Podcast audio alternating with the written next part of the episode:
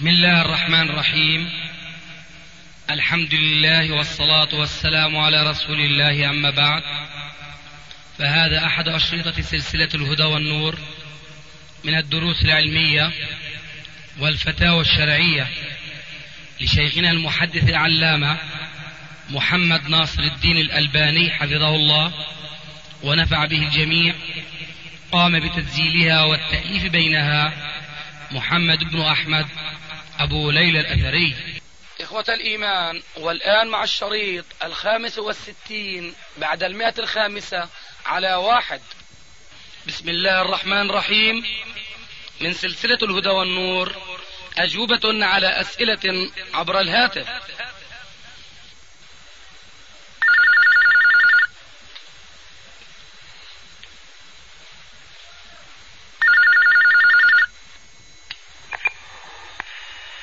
نعم. السلام عليكم. وعليكم السلام. شيخ. نعم. أنا متأسف على الإزعاج. من الجزائر طبعا. نعم. من الجزائر طبعا. نعم طبعا من الجزائر. أيوة. شيخ. نعم. أنت على علم بما يجري هنا. ولا. على علم بما يجري عندكم حفظكم الله من فتنكم. كبير يا شيخ. هناك اعتقالات من كل ناحية شيخ. ورغب وهرب و... نسأل الله لكم الفرج القريب ولسائر المسلمين. الشيخ آه، أريد أن أستفتيك في أمر آه، فيما يخص اللحية. هم يعتقلون كل الملتحين. فماذا نفعل يا شيخ؟ مش معقول كل الملتحين. حتى ال- ال- البعيدين عن الجبهة الإسلامية ينقاذ مش معقول إنه ي- يلقوا القبض على كل الملتحين نعم يا شيخ فعلا. مش معقول أقول لك؟ لأنه في كفار شيخ. في كفار ملتحين لا يا شيخ أنا يعني أقطع الجماعة المسلمة. كيف؟ الدار الإسلامي فقط. يا شيخ أنت ما تقول معي في كفار ملتحين نعم فيه. إيه فهل يحلقون لحاهم؟ نعم يا شيخ. هل يحلقون لحاهم؟ لا. فلما يحلقون لحى الشباب المسلم ولا يحلقون لحى الكافر؟ نعم. إذا ليس كل ذي لحية يحلقون لحيته. أليس كذلك؟ نعم يا شيخ. فإذا لماذا أنتم آه، يعني تميزون بلحاكم؟ ولماذا يحلقون لحاكم لا يا شيخ هنا آه، الجماعة الملتحية هي فقط التي آه، آه، التي تسمى بالإسلاميين يعني الأصوليين الله يهديك. كيف يميزون هؤلاء عن أولئك؟ الله أعلم يا شيخ. أنت تعلم الحكام ولا والشرطة وال... حتى عن الجواب هداك الله. نعم يا شيخ. لا حول ولا قوة إلا بالله. أسمعك جيدا يا شيخ. حتى عن الجواب. قلت لك كيف يميزون المسلم من الكافر؟ المسلم يحلقون لحيته والكافر يدعون لحيته. كيف يميزون؟ كيف يميز, لم تفهمني بعد يا شيخ ما- بفضلك يا شيخ؟ أنت ما فهمتني ولا أنا ما فهمتك؟ أنت لم تفهمني يا شيخ. لماذا الله يهديك؟ أعيد عليك كلامك نعم اسمع طيبا يا شيخ جيدا. هنا نحن الإسلاميين أي الأصوليين. الله يهديك. قول آمين. أمين أمين. نعم يا شيخ أنا موافق. أنا أعيد عليك كلامك. أقول لك وأنت تعيد علي كلامي. لماذا؟ لماذا تعيد علي كلامك؟ أنا أعيد عليك كلامك. لتعلم أنني فهمتك. نعم نعم فبقي عليك أن تفهم كلامي. أنا أقول أن الشرطة يأخذون كل من كان من الجبهة الإسلامية فيحلقون لحاهم. نعم. أليس هذا كلامك؟ نعم ومنهم من أخذ إلى السجون. ومنهم من أخذ إلى السجون. نعم. وماذا بعد ذلك؟ أنت تقول ما فهمت كلامك. لا اسمح لي يا شيخ. آه كمان ما فهمت كلامك. أنا اسمح لي يا شيخ هذه ربما أول مرة أتكلم معك وأنا في اضطراب باحترامي لك يا شيخ. طيب تفضل. ماذا تريد؟ هل فهمت؟ يعني م- خاصة مثلي أنا ملتحي. و... و... و... وأنا بعيد على كل السياسات والأحزاب. ماذا أفعل؟ تفعل؟ تقريبا نعم يا شيخ. تحافظ على دينك. نعم يا شيخ. واللحية من دينك. خاصة فيما, يخص اللحية فقط. واللحية من دينك أقول لك. نعم يا شيخ نعم. فإذا لا تعرض نفسك للفتنة. نعم. ولا تشتغل بالسياسة. فإذا فإذا حلقوا لحيتك رغم أنفك نعم. فذلك أقل شرا من أن يقطعوا رأسك. نعم طيب فإذا ابتلي المسلمون فماذا عليهم؟ نعم. ألم تسمع أن بعض أصحاب النبي صلى الله عليه وسلم صلى الله عليه وسلم. كانوا شكوا إليه صلى الله عليه وسلم ما يلقونه من تعذيب المشركين إياهم؟ نعم فقال عليه السلام لهم بعد أن قرأ قوله ألف لام ميم أحسب الناس أن يتركوا أن يقولوا آمنا وهم لا يفتنون. ولقد فتنا الذين من قبلهم فلا يعلمن الله الصادقين فالذين صدقوا ولا يعلمن الكاذبين. ثم قال عليه السلام كان الرجل ممن قبلكم يؤخذ فيوضع المنشار على مفرق رأسه ويقطع حتى يقع على الأرض فلقتين وما يصد ذلك عن دين الله. فماذا دهاكم؟ وماذا أصابكم أنتم؟ إذا سجنوكم فليسجنوكم. نعم. هل هو التمسك بالإسلام؟ عبارة عن هتافات وعبارة عن جبهات. بالكلام فإذا ما حط الحطيط ونزل البلاء قلتم إلى أين المفر؟ المفر ففروا إلى الله وبس. والسلام عليكم. عليكم السلام يا شيخ. بارك الله فيك يا شيخ. وفيك بارك.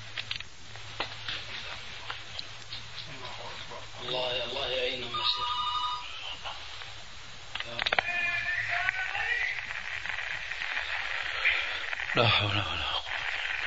نعم. السلام عليكم ورحمة الله. وعليكم السلام ورحمة الله وبركاته. كيف حالك يا شيخ؟ الحمد لله بخير. آه، عندنا بعض الأسئلة بارك الله فيك. تفضل. آه، إذا أعلن الجهاد في الجزائر هل يجب الجهاد مع هو الحال في أفغانستان؟ من الذي سيعلن الجهاد في الجزائر القوي أم الضعيف؟ الضعيف. إيه والضعيف يستطيع أن يجاهد؟ لا يستطيع. سامحكم الله. اللهم آمين. سامحكم الله. اللهم آمين. ما اعتبرتم بما وقع؟ نعم. ما اعتبرتم بعد بما وقع في الجزائر وقبل الجزائر سوريا وقبل سوريا الحجاز صحيح كله صحيح يا شيخ من استعجل الشيء قبل أوانه ابتلي بحرمانه. صحيح. لماذا لم يقم الجهاد في مكة المكرمة في عهد النبوة والرسالة؟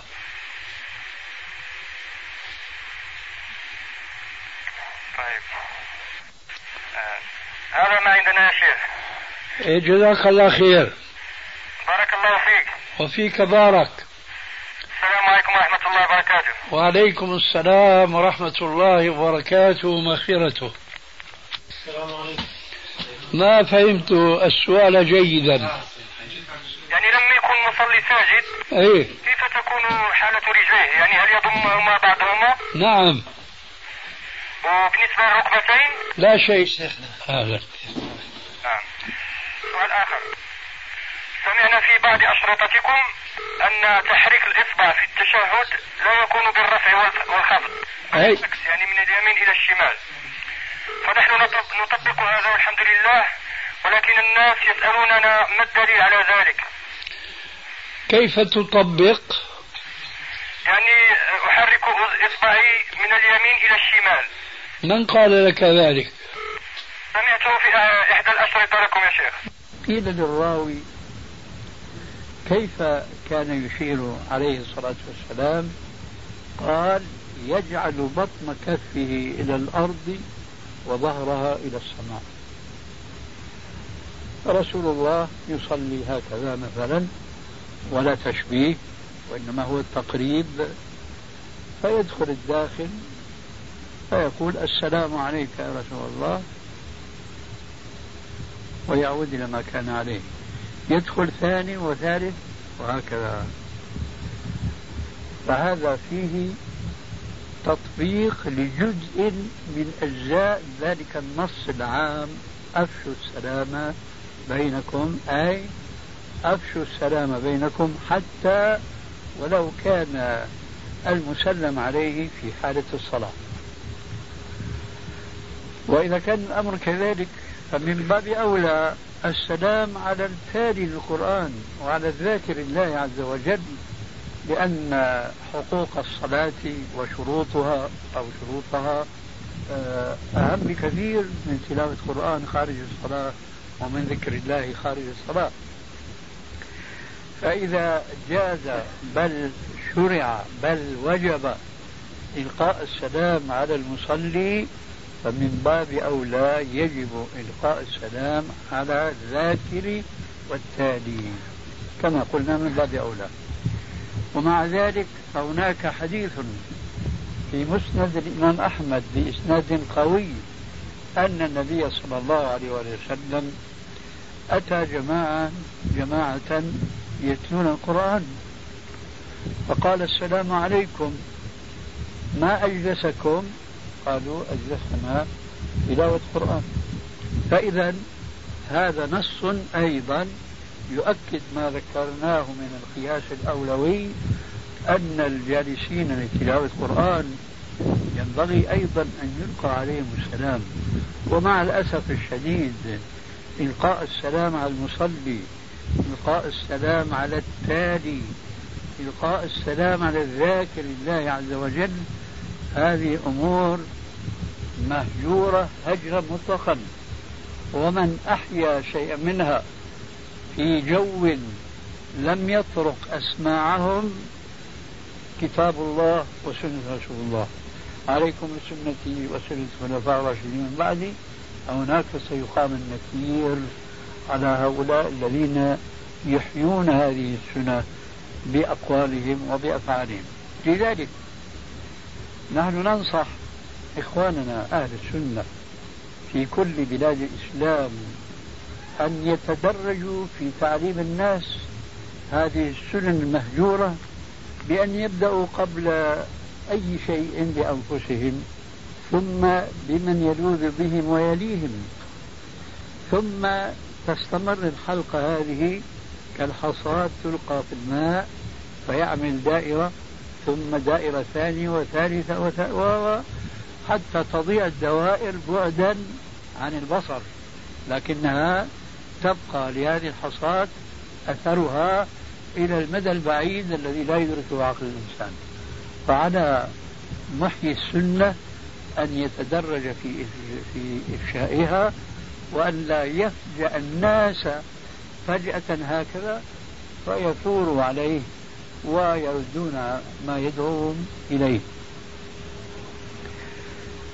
فإذا إذا دخل الداخل على المصلي فعليه أن يسلم كما قلنا بناء على الأحاديث السابقة. هناك حديث آخر أستدركه على نفسي وهو في صحيح مسلم من حديث جابر بن عبد الله الأنصاري رضي الله عنهما أن النبي صلى الله عليه وآله وسلم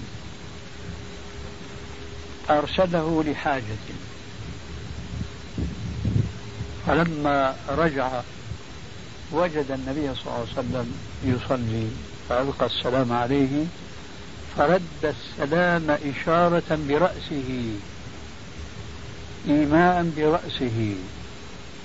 وهذه صورة أخرى غير الصورة الأولى التي هي الإشارة باليد. وهنا أقول تفقها في الدين ومن يرد الله به خيرا يفقهه الدين.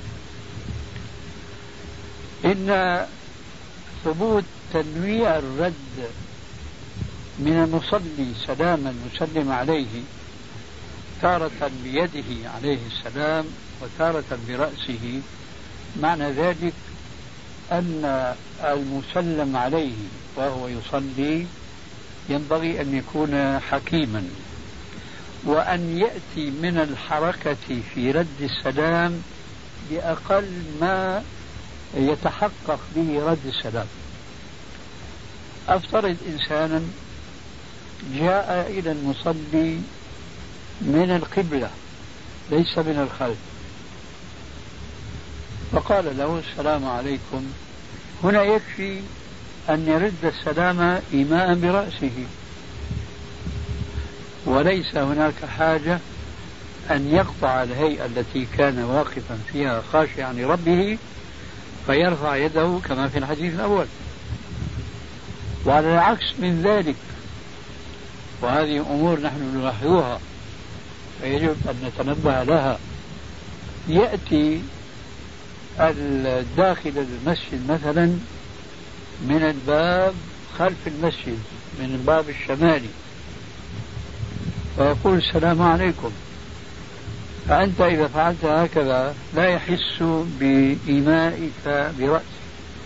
وإذا فعلت هكذا فلا يرى يدك قد ارتفعت. إذا عليك أن تبالغ في رفع اليد بحيث يظهر لذاك المسلم بأن هذا الذي سلم عليه قد تقبل سلامه ورده عليه إشارة بيده لأنه لا يستطيع أن يرد السلام بلفظه. هذا من الآداب المتعلقة بقوله عليه السلام أفشوا السلام بينكم. السلام عليكم. السلام عليكم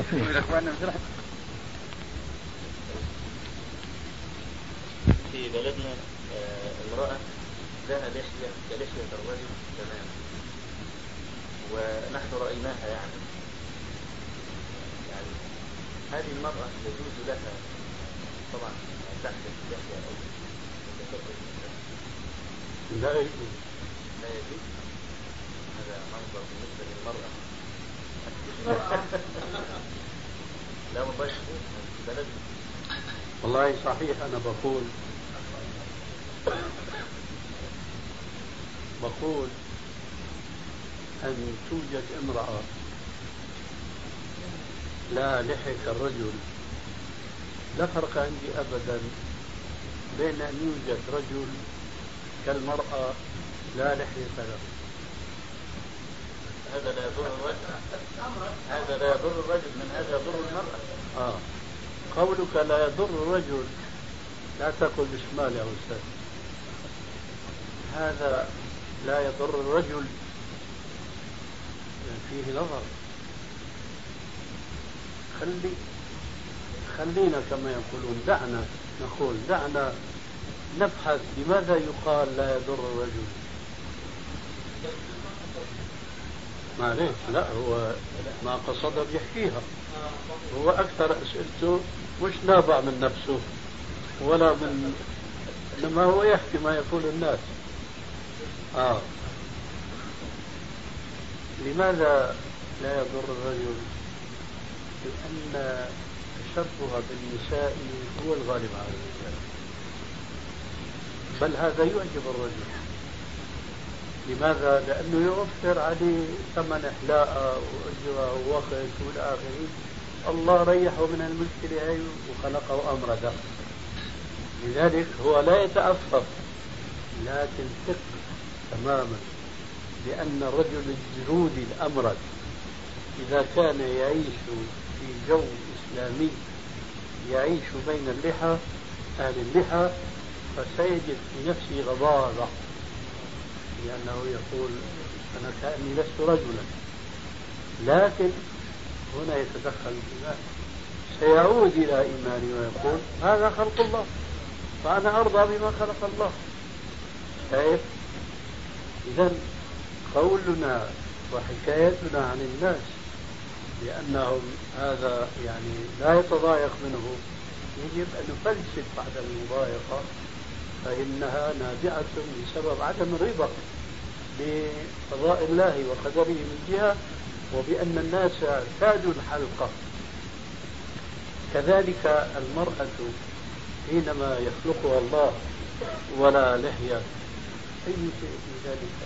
الله تبارك وتعالى يريد أن يبين للناس خاصة منهم الكفرة أو المتأثرين بهم من بعض المتمدنين أو المثقفين زعموا أن الأمر ليس طفرة وليس رمية بغير رام كما يقولون الطبيعة وإنما هذا لخالق حكيم مريد فعال ما يشاء. فهو في الأصل خلق الرجال بلحى وخلق النساء بدون لحى. قد يقال ويقول هؤلاء هي الطبيعة. ربنا بجعلهم تحت أمر واقع هذا رجل لا لحية له. وليس هذا فقط هذه امرأة لا لحية. من الذي خلق الرجال بلحى وخلق الرجل بدون لحية؟ من الذي خلق النساء بدون لحى وخلق هذه المرأة بلحية؟ هو الله تعالى الميت وربك يخلق ما يشاء ويختار ما كان لهم الخيرة. سبحانه وتعالى عما يشركون. المهم تقبل الرجل الأمرد واقعه وعدم تقبل المرأة ذات اللحية واقعها كلاهما نابع من انحراف المجتمع الإسلامي عن الإيمان بشريعة الله عز وجل. على شعر وعلى شعر سبق الجواب من هذا حين قلت كل تغيير بخلق الله بنسب أو حلق دون إذن شرعي أو داخل في عموم العلة. سؤالك هو الأول. هل يجوز للجنوب أن يقرأ القرآن؟ لهون أنت وقف الكمال هديك ما تسأل عنها لأنك أظن تعرفها أنه جايزة قبل ما أقول لك بيجوز أو ما بيجوز من أسلوب العلم توضيح الكلمات. إذا كنت تعني في سؤالك هل يجوز بمعنى العكس يحرم؟ فهذا له جواب. وإذا كنت تعني بقولك هل يجوز يعني ما هو الأفضل؟ أن يقرأ القرآن على طهارة أو على جنابة كمان هذا الشطر الثاني من السؤال ما في داعي له لأنه كل الناس بيعرفوا أنه قراءة القرآن على طهارة كاملة هو الأفضل بلا شك ولا ريب. إذا قبل ما أجاوبك بدي أخذ منك جواب. إذا أنت تعني بقولك هل يجوز يعني أنه هل يحرم؟ هكذا. فأنا الآن بابا جاوبك لا يحرم قراءة القرآن الجنبي لأن تحريم شيء ما حرمه الله ولا رسوله حرام. تحريم شيء. ما حرمه الله ورسوله حرام علينا. ليه؟ نحن بنحرم بنحلل من عنا. قال تعالى أم لهم شركاء شرعوا لهم. شرعوا لهم من الدين ما لم يأذن به الله؟ لا نحن أتباع رسول الله صلى الله عليه وسلم. إذا كان لا يوجد نص في سنة رسول الله صلى الله عليه وسلم فضلا عن كتاب الله بتحريم قراءة قرآن على الجنوب فمن ذا الذي يتجرأ أن يحرم ما لم يحرمه الله؟ وهذه من طبيعة النصارى. قال تعالى قاتلوا الذين لا يؤمنون بالله ولا باليوم الآخر. ولا يحرمون ما حرم الله ورسوله. هن بيجيبوا من عندهم لذلك كل يوم البابا بيجيب لهم أحكام جديدة. لأنه عندهم في الإنجيل أنه بطرس قال لهم ما تعقده في الأرض. الله قال له زعموا ما تعقده في الأرض يا بطرس يكون معقودا في السماء. ولذلك الدين النصارى كل يوم دين شكل. أيوة على كيفهم. لكن نحن بنقول يكره شوف بقى الفرق. نحن بنقول يكره قراءة القرآن على الجنوب كراهة. تحريم ما بنقول لأنه ما في نص. قد تقول بقى أنت وين النص بالكراهة؟ من لك لبيك. نأتيك بالنص على الفور هناك حديث في سنن أبي داود بالسند الصحيح أن النبي صلى الله عليه وسلم قضى حاجته ثم مر به رجل فقال فقال السلام عليك يا رسول الله.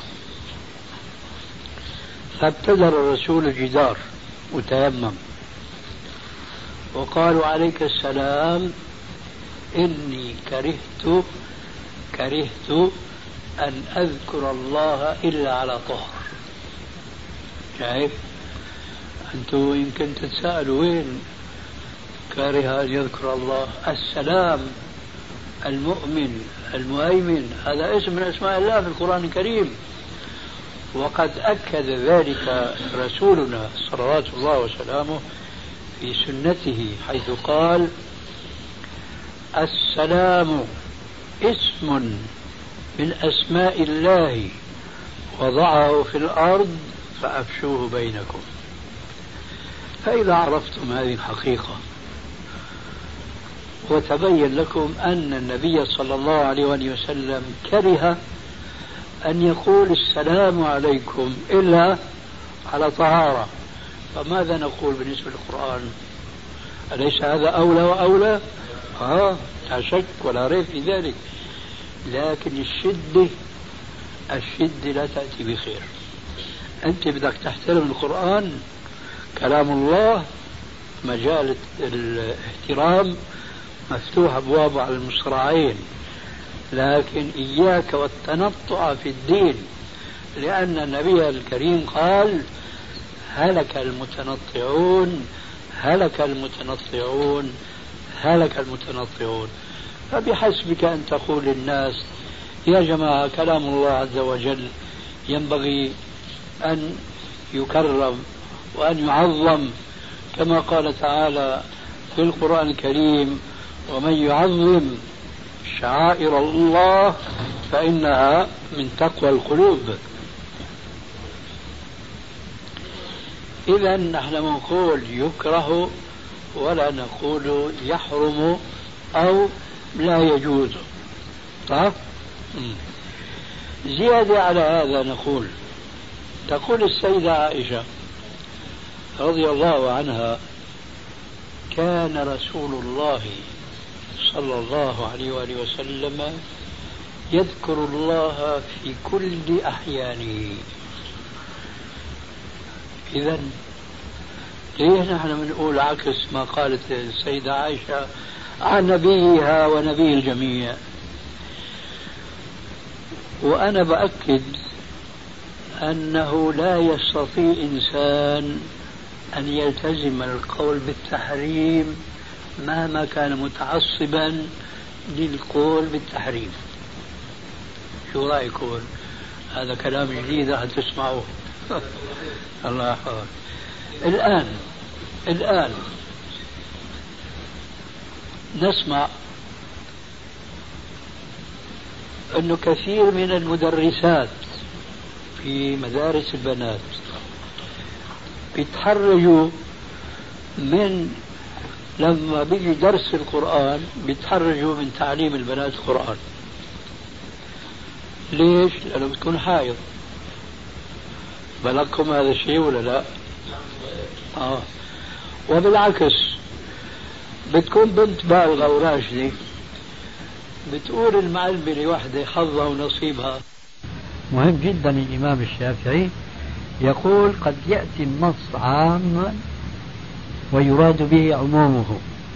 وقد يأتي النص عاما ويخصص بالنص الخاص. وقد يأتي النص العام ويراد به الخصوص وليس العموم. وضرب على ذلك أمثلة كثيرة وكثيرة جدا. الشاهد أن النص العام لا يكون دائما مطبقا على عمومه وإنما ذلك ينظر إليه في حدود القرائن. المحيطة بالنص العام. القرينة هنا أن هذا النص العام لم يجري عمل السلف عليه كالنصوص السابقة صلاة الرجل مع الرجل إلى آخره كما أنه لم يجري العمل على هذا كذلك لم يجري العمل على ذاك وهناك بعض الأشرطة. لا نجيزه ونقول انه من تغيير فهو العمل. باللحيه نقول نجيزه وليس يكون من هذا الباب. لا لا يكون. نحن قلنا آنفا بارك الله فيك إلا ما استثني. ما قلنا أنه لا يجوز. لا يجوز تغيير خلق الله. إلا ما استثني وضربنا على ذلك مثلا نت الأبط كنت هنا ولا لا؟ طيب. الآن هذا من جملة ما تستثني لأنه عمل السلف لا يكون يعني مخالفا للنص. فإذا هناك استثناء في الموضوع نفهمه من عمل السلف. أنا أضرب لكم مثالا وهذا آه، يشجعني على أن أظل مستمرا في دعوتي وهي أننا ندعو إلى اتباع الكتاب والسنة وعلى منهج السلف الصالح. لأننا إن تركنا هذا القيد أولا خالفنا الكتاب والسنة. وثانيا تفرقنا إلى طرق شتى كما جاء في الحديث وستفترق أمتي على ثلاث وسبعين فرقة كلها في النار إلا واحدة. إلى آخر الحديث. الشاهد فأنا لماذا أقول على منهج السلف؟ لأننا لا نرى من الصواب في شيء أن نسلط وكل مين بقى بيفسر الكتاب والسنة ليس على ما كان عليه السلف الصالح. هذا مثال بين أيدينا. أقربه لكم بمثال مروي. لقد جاء في صحيح البخاري من حديث عبد الله بن مسعود رضي الله عنه قال علمني رسول الله صلى الله عليه وآله وسلم التشهد وكفي بين كفيه. التحيات لله والصلوات والطيبات. السلام عليك أيها النبي ورحمة الله وبركاته. إلى آخره. قال وهو بين ظهرانينا السلام عليك أيها النبي ورحمة الله وبركاته. وهو بين ظهرانينا فلما مات قلنا السلام على النبي. فما الذي نفعله أو ما الذي ينبغي أن نفعله اليوم؟ أن نقول في التشهد كما يقول جماهير الناس اليوم السلام عليك أيها النبي علما بأنه هو تعليم الرسول عليه السلام. أم نقول كما قال ابن مسعود فلما مات قلنا السلام على النبي قلنا السلام على النبي. لا نقول السلام عليك. لماذا؟ مع أنه تعليم الرسول بشهادة ابن مسعود وغيره أيضا من الصحابة الرسول الذين رووا التشهد بصيغة الخطاب. السلام عليك أيها النبي. نحن ما نقول الآن السلام عليك. لماذا؟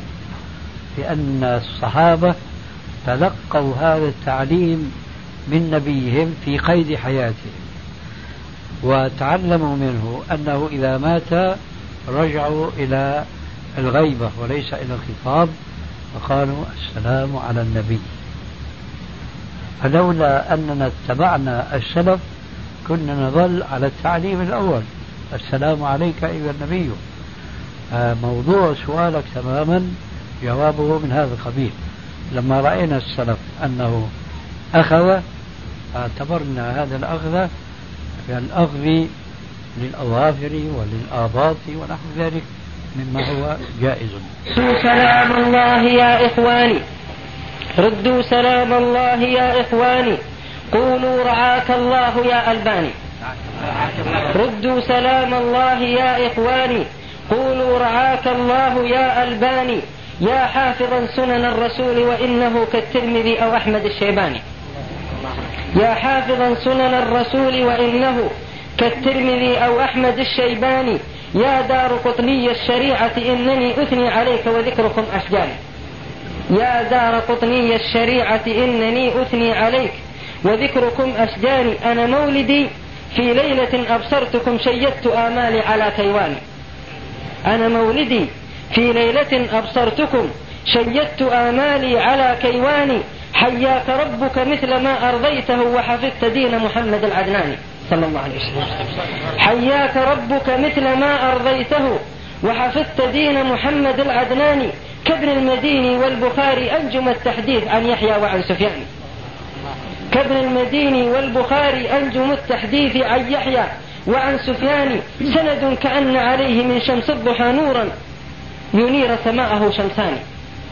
سند كأن عليه من شمس الضحى نورا تنير سماءه شمسان. أنا ذبت في حب الحديث وأهله تذكارهم عن غيرهم أنساني وسلام الله عليكم ورحمة الله وبركاته. ولي طلب إلى فضيلة الشيخ وقد تتلمذت على كتبه أن يخفف في كلمته لأن عندي أسئلة وسوف أجعل من هذه الجلسة كتيبا اسمه مجلس مع الألباني. فهل يسمح فضيلته بذلك؟ لعله لا يرد طالبا وسلام الله عليكم ورحمته وبركاته. جزاك الله خيرا. وإن كنت قد بالغت كثيرا وهذا ما لا نحبه. وبخاصة أنني أنك قرنتني مع إمام السنة وغيره من أئمة الحديث فلا يسعني إلا أن أتأسى بأبي بكر الصديق رضي الله عنه الذي كان إذا مدح قال اللهم لا تؤاخذني بما يقولون واجعلني خيرا مما يظنون واغفر لي ما لا يعلمون. تفضل يا أستاذ. فالآن نستفتح بسؤال لفضيلة الشيخ عايد القرني ريثما تنهال علينا الأوراق.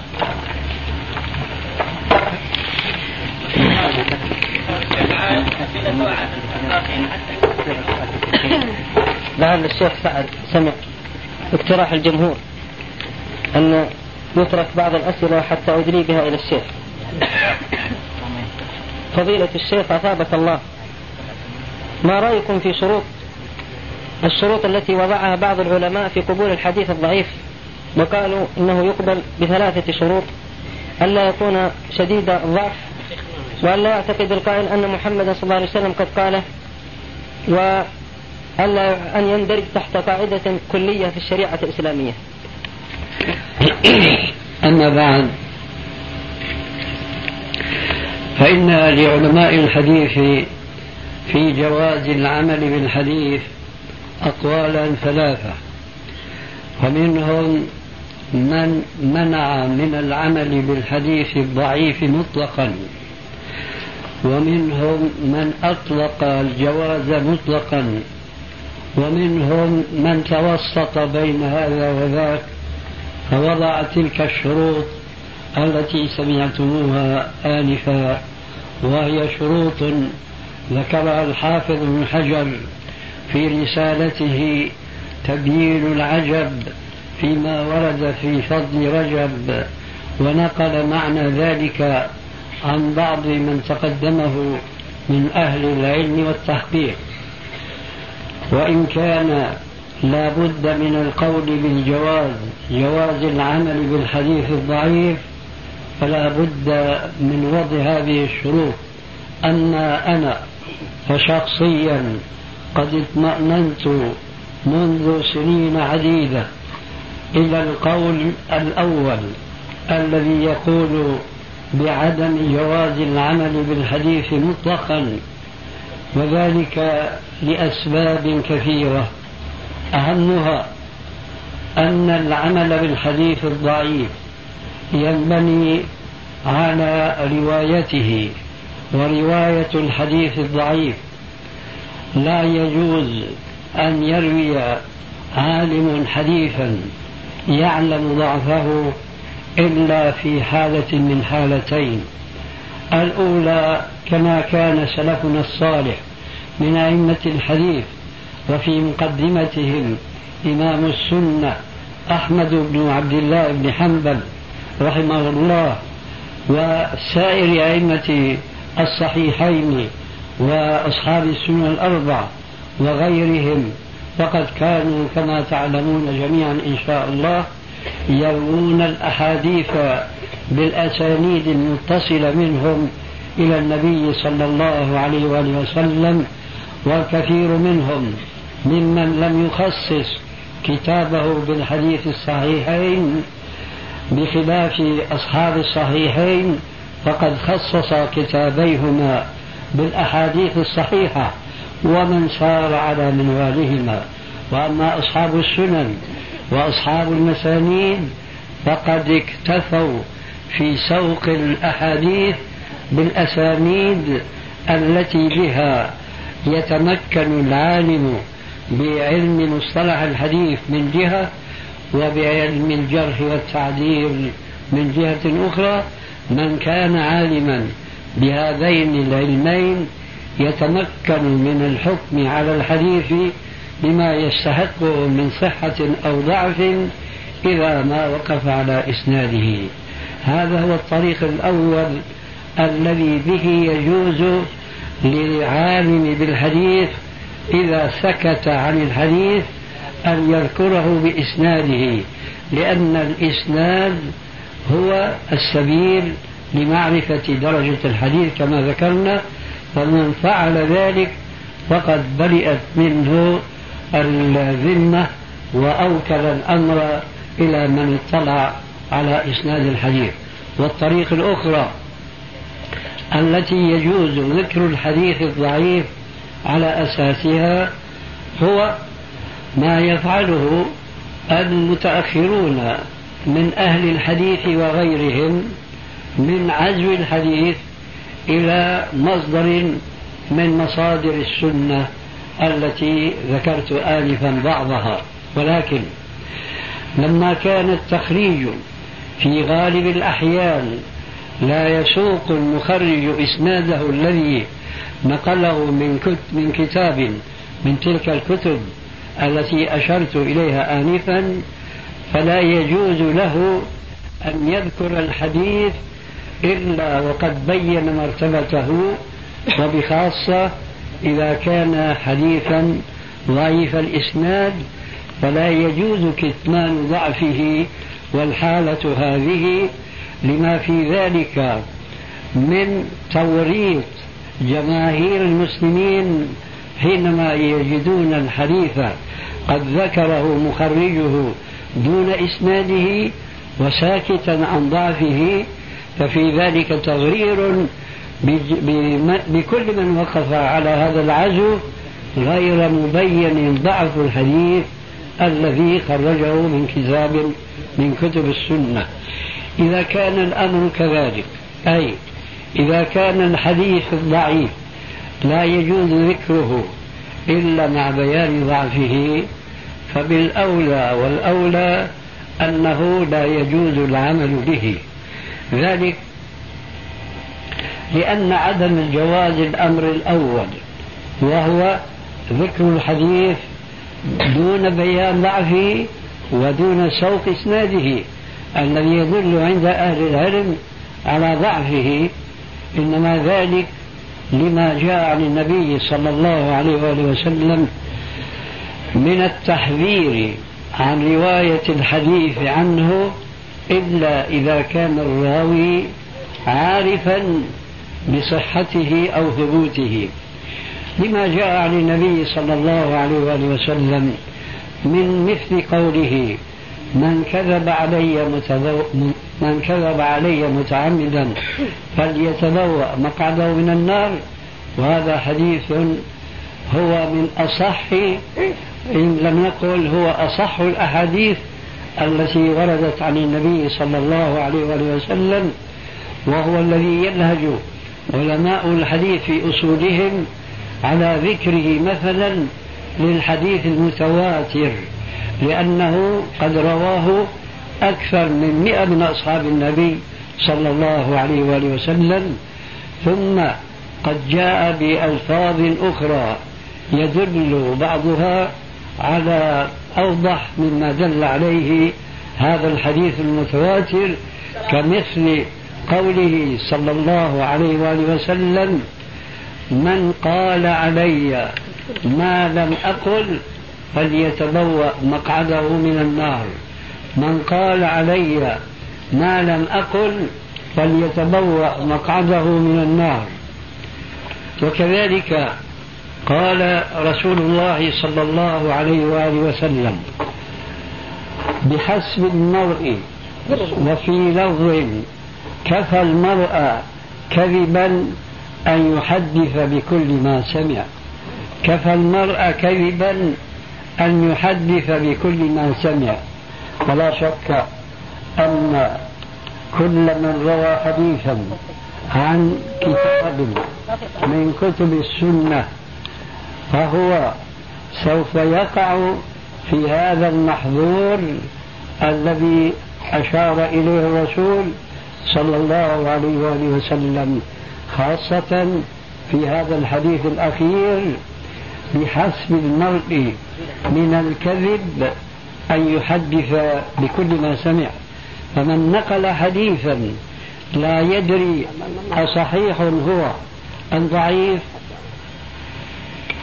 لا يدري أصحيح هو أم ضعيف فقد وقع شاء أم أبى في الكذب على النبي صلى الله عليه وآله وسلم لقوله بحسب المرء من الكذب أن يحدث بكل ما سمع لما هو معلوم باتفاق علماء المسلمين. أن الأحاديث المروية عن النبي صلى الله عليه وآله وسلم فيها ما لم يصح عنه صلى الله عليه وآله وسلم بل فيها ما هو مكذوب عليه صلى الله عليه وآله وسلم. وإذا الأمر كذلك فكل من لم يعنى بالاحتياط في رواية الحديث عن النبي صلى الله عليه وآله وسلم ولم يميز صحيحه من ضعيفه فهو حتما واقع في الكذب على رسول الله صلى الله عليه وآله وسلم. وإذ الأمر كذلك أي إذا كان لا يجوز رواية الحديث إلا أن يكون صحيحا وإذا كان ضعيفا فلا بد من بيانه حتى لا يقع من روي الحديث لهم. دون بيان ضعفه في الكذب على رسول الله صلى الله عليه وآله وسلم. إذا كان الأمر كذلك ونحن نعلم أن العلم بالحديث هو وسيلة للعمل به. فإذا كان إذا كان لا يجوز رواية الحديث الضعيف إلا مع بيان ضعفه فلأن لا يجوز العمل بالحديث الضعيف أولى ثم أولى ثم أولى. يضاف إلى ذلك أن هذه القاعدة التي تقول يضاف إلى ذلك أن هذه القاعدة التي تقول يعمل بالحديث الضعيف في فضائل الأعمال إنها جملة ينقض بعضها بعضا ينقض أولها آخرها.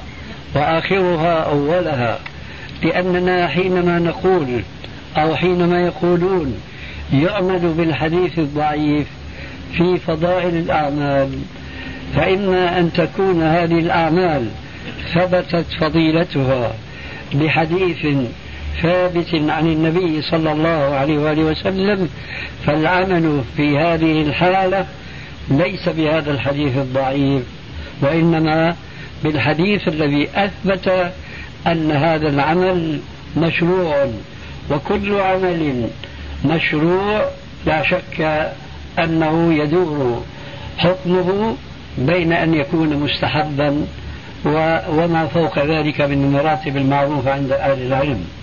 فحينئذ لا دخل للحديث الضعيف في إثبات فضيلة هذا العمل الفاضل. هذا في حالة كون العمل الفاضل ثبت بغير الحديث الضعيف. وعلى العكس من ذلك إذا كان هناك عمل لم يثبت مشروعيته أي لم تثبت فضيلته إلا بحديث ضعيف فمعنى ذلك والحالة هذه أننا سنمنع للناس العمل بحكم شرعي بحديث ضعيف. وقد اتفق علماء المسلمين قاطبة أنه لا يجوز استحباب حكم بحديث ضعيف بإجماع العلماء كما ذكر ذلك شيخ الإسلام ابن تيمية رحمه الله. وأرجو أن تلاحظوا هذه الحقيقة. قولهم يعمل بالحديث الضعيف في فضائل الأعمال. فضائل الأعمال إن ثبتت بغير الحديث الضعيف ثبتت شرعيته فوجود الحديث الضعيف وعدمه سواء. وإن كان فضائل الأعمال لم تثبت بغير الحديث الضعيف ففي ذلك تشريع للناس أحكاما فيها فضائل وأقل درجاتها الاستحباب فيه تشريع بالحديث الضعيف وهذا لا يجوز باتفاق العلماء. وأنا أضرب لكم مثلا عمليا. وقع فيه بعض من يذهب إلى جواز العمل بالحديث الضعيف ولم يلاحظ هذا التفصيل الذي ذكرته آنفا.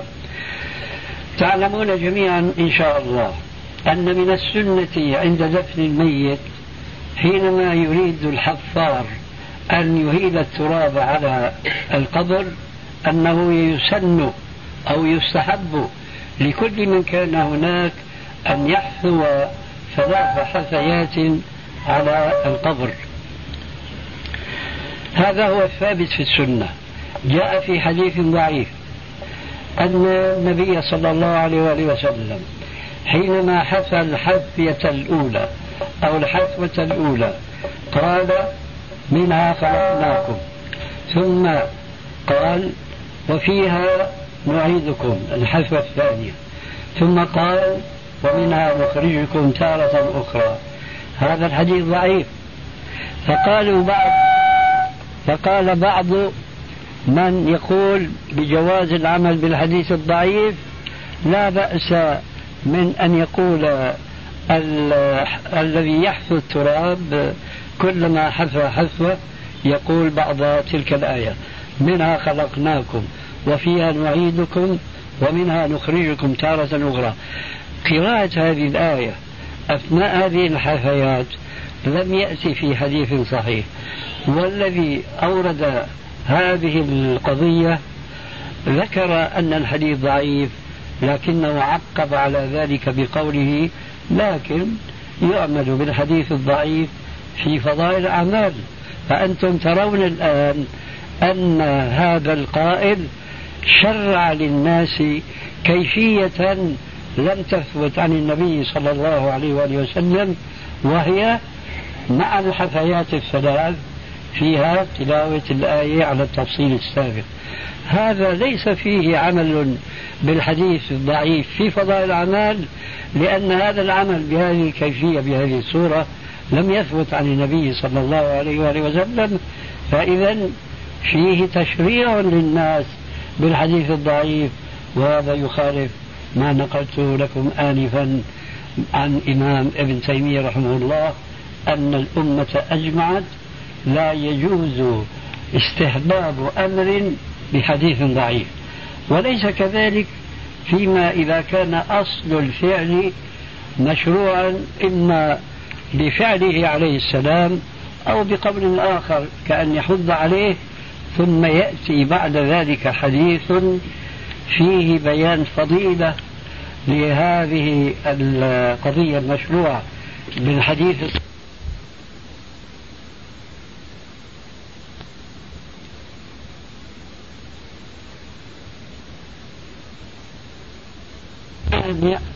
من القول يعمل بهذا الحديث في فضائل الأعمال لأن فضل هذا العمل يعني زيادة على ما ثبت شرعيته من فعله عليه الصلاة والسلام. وحينئذ فوجود الحديث الضعيف لا يضرنا وروايته فيه حث على العمل بذلك الأمر المشروع ولكن يشترط هنا بيان أن هذا الحديث حديث ضعيف لما سبق ذكره آنفا. وأنا أذكر لكم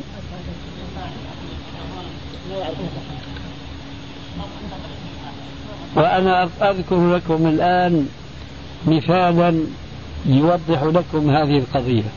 من الثابت أن النبي صلى الله عليه وسلم صلى بنفسه صلاة الضحى. فهذه الصلاة صارت مشروعة بفعله عليه الصلاة والسلام.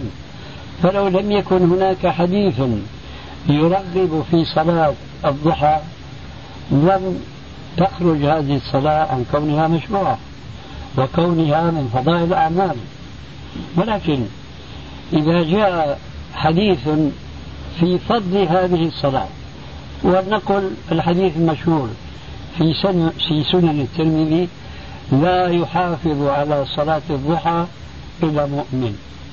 هذا يبين فضل صلاة الضحى التي كان رسول الله صلى الله عليه وآله وسلم يصليها. فصلاته إياها هو تشريع لنا. فسواء صح هذا الحديث لا يحافظ على صلاة الضحى إلا مؤمن أو لم يصح ما خسرنا شيئا لأن مشروعية صلاة الضحى ثبتت بفعله عليه الصلاة والسلام كما ثبت بأحاديث أخرى. لسنا الآن في صدد ذكر شيء منها. فإذا جاء حديث كهذا الحديث وهو حديث ضعيف لا يحافظ على صلاة الضحى إلا مؤمن يمكن والحالة هذه. وفي هذا المثال بالذات أن نقول يؤمن بهذا الحديث وإن كان ضعيفا لأنه في فضائل الأعمال. من أين عرفنا فضل هذا العمل ألا وهو صلاة الضحى؟ من هذا الحديث لا يحافظ على صلاة الضحى إلا مؤمن؟ الجواب لا. إنما عرفنا شرعية وفضيلة صلاة الضحى من فعله عليه الصلاة والسلام لها. فإذا روينا هذا الحديث مع بياننا أن صلاة الضحى شرعها الرسول عليه السلام على لسان ربه للناس من باب التطوع في الخير. وذكرنا الحديث الثاني وهو ضعيف لا يحافظ على صلاة الضحى إلا مؤمن.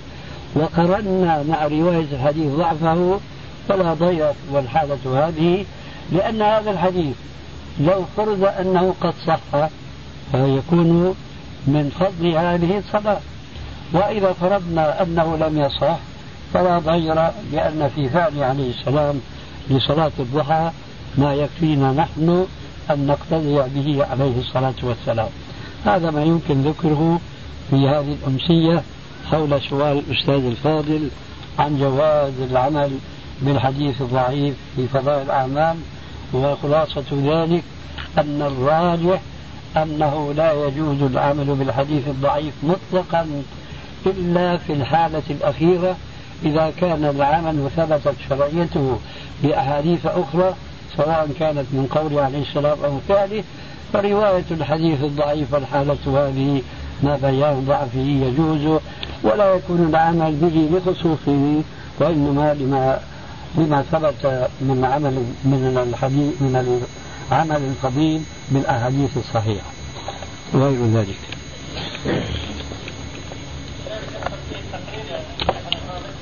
نعم. تقرير الرسول يدخل تقرير الرسول السؤال ولا مؤاخذة مجمل لأنك إن كنت تعني تقرير الرسول الذي لم يرد إلا بحديث ضعيف بل هو كما لو قال الرسول أو قال.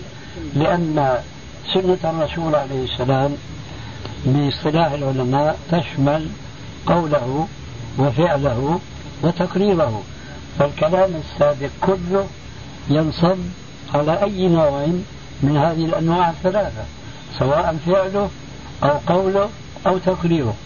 والتفصيل الذي ذكرته أيضا ينصب على هذه الأجناس الثلاثة من سنته صلى الله عليه وآله وسلم.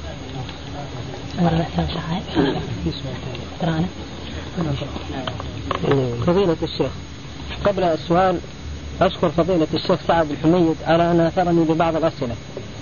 وتلاميذك أيها الشيخ يقترحون عليك لو أوجزت فإنا نفجر بك هذه الليلة بحرا وبإمكانك أن تجعل من كل سؤال محاضرة لكننا نريدك في قضايا كثيرة حفظك الله.